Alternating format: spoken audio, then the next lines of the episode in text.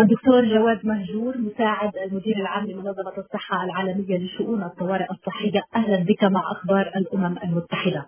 لنبدأ آه، معك منذ ظهور الجائحة وطبعا الصين شاركت مع المنظمة بمعلومات عن الفيروس منذ البداية لكن حتى الآن وبعد أربع شهور ماذا نعرف عن فيروس كورونا؟ فيروس كورونا هو أو مرض كوفيد 19 هو مرض معدن. آه، يسببه فيروس كورونا مستجد من عائلة الكورونا فيروسز.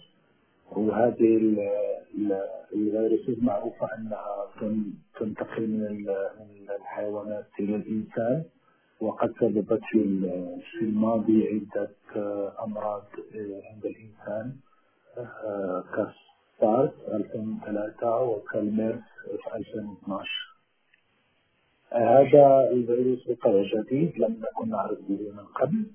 آه، وبالطبع الشيء الكثير لسه آه، لم يعرف عن هذا المرض آه، لم يعرف عن هذا المرض. لكن ما نعرفه الآن أن هذا المرض ينتقل عن القطيرات عن طريق القطيرات الصغيرة التي تتناقل من الأنف والفم عندما يسأل الشخص المصاب. ولا ينتقل عن الهواء عن طريق الهواء وهذا الذي يجعله آه، يعني آه، يختلف عن الفيروس إنفلونزا. هذا الفيروس آه، بيشكل في 80% تقريبا حالات لا تستدعي للتطبب أو للوجود في المستشفى وتكون أعراض خفيفة مشابهة لأعراض الزكام كالإرهاق كالسعال الجاف الحمى بالطبع وبعض الأحيان تصل هذه الأعراض إلى آه، آه، حدة أو إلى مستوى لازم الشخص أن يدخل يدخل إلى المستشفى. في لاحظ أن هذا الفيروس يعطي أمراض آه، يعني قوية قوية أو إلى شيء من الخطورة عند الأشخاص المسلمين والأشخاص الذين يعانون من أمراض مزمنة كالسرطان كالسكري وكأمراض القلب الشرعي. في البداية منذ البداية قالت منظمة الصحة بعد أن أعلنت فيروس كورونا بأنها كورونا بأنها جائحة أكدت أن المرض مسيطر عليه. إذا لا يزال هذا الاعتقاد سائد ولا يزال بالإمكان بالفعل السيطرة عليه. بالطبع عندنا امل في السيطرة على المرض وكثير من تجارب بعض البلدان كالصين وككوريا الجنوبية كسنغافور ودول أخرى هي صعوبة ذكرها كلها.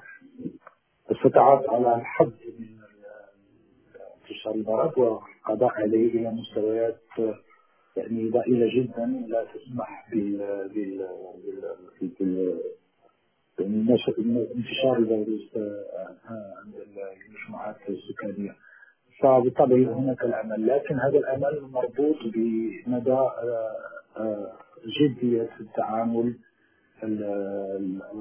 السلطات الصحية مع هذا الفيروس وكذلك مدى جودة الخدمات أو التدخلات الصحه العمومية بهذا المجال. نعم. طيب حتى الآن أين نحن الآن من الجائحة؟ الناس طلب منها أن تلتزم منازلها. بعض الدول طبعا تفرض حظر التجول وتطلب من الناس عدم المغادرة لمدة أسبوعين. لكن فيما بعد الأسبوعين ما الذي يجب أن يتوقعه الناس؟ طبعا مع اختلاف الأوضاع والدول. أه، حضرتك تطرقت لموضوع مهم جدا هو آه، الاختلاف آه، بين الدول وبين الوضعيات الوبائيه يعني لا يمكن الآن آه، يعني ابدلاء الرأي على الوضع أو ما ستكون عليه الصورة خلال الأسابيع أو الأشهر القليلة القادمة. هذا مرتبط بتشخيص وبائي في كل بلد، هذا مرتبط بالقرارات أو التدخلات التي تدخلها السلطات الصحية في في كل بلد.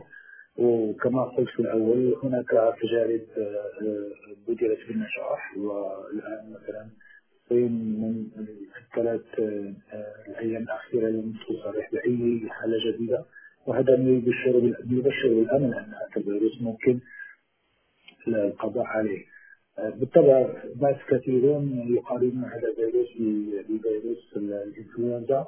فيروس الانفلونزا لأنه ينتقل عن طريق الهواء لا يمكن السيطره عليه الحد من الشعب فلما ينتشر ينتشر لما ما فيش اي يعني شيء ممكن توقيف من الشعب لكن تجاربنا في دول عدة بينت أن هذا المرض ممكن إيقاف يعني انتشاره وممكن القضاء عليه نهائيا. طيب هناك دول لا تفصح عن معطياتها أين معطيات تلك الدول؟ ماذا تفعل المنظمة من أجل محاولة معرفة أماكن ومواطن المرض لأنه الأمر يؤثر على العالم كله وليس على دولة بمفردها. إحنا في تعاملنا مع هذه الجائحة بنشتغل تحت مظلة اللوائح الصحية الدولية 2005 والتي التي تؤتي المنظمة الصحة العالمية دور الترقب الوبائي على الصعيد العالمي ولكن تحمل كل دولة مسؤولية من من أجل الترصد الوبائي والإبلاغ في الحالات المرضية التي لم يمكن تشكل ترقب لمنظمة الصحة العالمية. قد يمكن أن الدولة أو دولتين يرفضون أو لا يصرحون بالأمراض بس هذا مرض الإعلان عن حالة حالتين ثلاث حالات بس المرض يمشي بسرعة كبيرة جدا وممكن يسبب إلى بعض الأوتبريكس في البلد وحتظهر وحتقطع عليها والعالم حيعرف. صحيح. طيب دكتور البعض يتساءل وأنت ذكرت بنفسك آه، موضوع السارس والميرس اللي هي متلازمة آه، الشرق المتوسط آه، التنفسية. الآن أيضا لدينا كوفيد يعني بخلال من سنة 2002 أو 2003 حتى يومنا هذا يمر علينا سارس وميرس والآن كوفيد لماذا انتظرنا كل هذا الوقت حتى وصلنا إلى مرحلة كوفيد ألم نكن مستعدين؟ منظمة الصحة العالمية أسست لجنة من ثلاث سنوات آه، اسمها ال Global Preparedness Monitoring Board أو اللجنة التي توصي المنظمة العالمية للصحة العالمية وكذلك آه، المؤسسة المؤسسة مؤسسة الصحة العالمية الدولية عن الوضع لاستعداد الطوارئ وتقرير شهر تسعة السنة الماضية أوضح بشكل يعني بشكل واضح أن العالم ليس مستعد للتعامل مع فاشية من هذا الحجم. ليكون العالم مستعد للتعامل مع فاشيات من هذا النوع يجب يجب كل دولة أن تكون عندها مستوى عالي من الاستعداد. وكلنا نعرف أن بعض الدول التي تنعدم إلى الموارد البشرية والمالية الضرورية لا يمكن أن تستعد لهذا لهذا للتعامل مع هذه الشائعات أو الأمراض بهذا الشكل. رغم أن بنسبة لكوفيد 19 تبين أن حتى الدول التي عندها مستوى عالي من الاستعداد للتعامل مع الطوارئ لاحظ أن عندها بعض الصعوبة للتعامل مع الحالات المرضية لهذا الداء لأن المستشفيات غير مستعدة يعني للتعامل مع أعداد كبيرة من الأشخاص الذين يحتاجون إلى العناية المركزة وهذا شفناه في دول أوروبية. نعم. فيما يتعلق باللقاحات يعني تردد الكثير منها إنه دواء الملاريا قد يكون ناجعا. آه، وفسر البعض انخفاض أعداد الحالات والإصابات في إفريقيا. لأنه آه، هناك يعني في في لقاحات ضد الملاريا وإيبولا وما إلى ذلك وهذا الأمر ساعد أو ساهم على التخفيف من حدة انتشار هذا المرض أو إصابة الكثيرين. إلى أي مدى يمكن أن نقول إن هذا الأمر صحيح؟ لازم تذكير بأن هذا المرض ظهرت أول حالات من هذا المرض أواخر 2019 لأن إحنا اليوم يعني لا لا عندنا حوالي ثلاث شهور معرفة لهذا المرض. فلا يمكن إيجاد لقاح في ثلاث شهور. معروف أن البحث في اللقاح وإيجاد لقاح وإنتاج اللقاح بيطلب بيطلب وقت طويل. لكن الجانب الآخر إحنا بعد تقريبا شهرين من الكشف على هذا المرض آه، هناك مجموعة عديدة من العلماء أو الباحثين يشتغلون على الدواء. تقريبا هم 22 لقاح آه، يبحث فيه.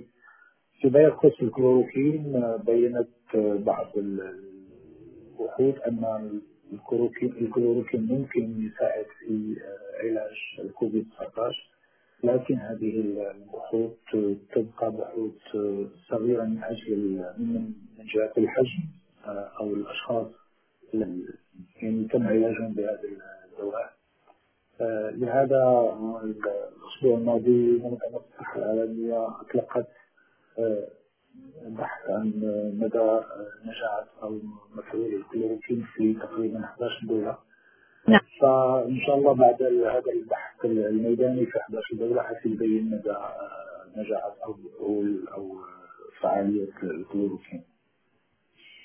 والى أن يحين ذلك الوقت إلى أي مدى أنتم في منظمة الصحة العالمية قلقون دكتور؟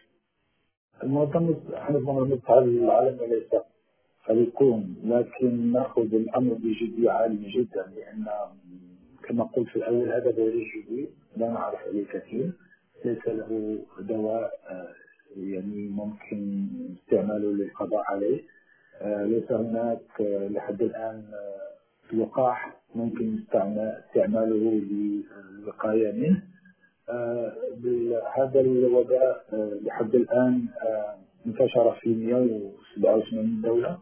يعني في الفترة المقبلة سيكون كل دول العالم عندها حالات أي إذا حالات إما مستوردة أو حالات متوطنة فهذا اللي يجعلنا نأخذ الأمر بجدية عالية جدا. القلق لا لا يمكن أن يكون لأن إحنا بنصيب بعدم التملك وعدم القلق أه، دكتور جواد دعني أنتهز وجودك معي وأسألك بصفة طبيب بصفتك طبيب يعني سؤالين عن كورونا.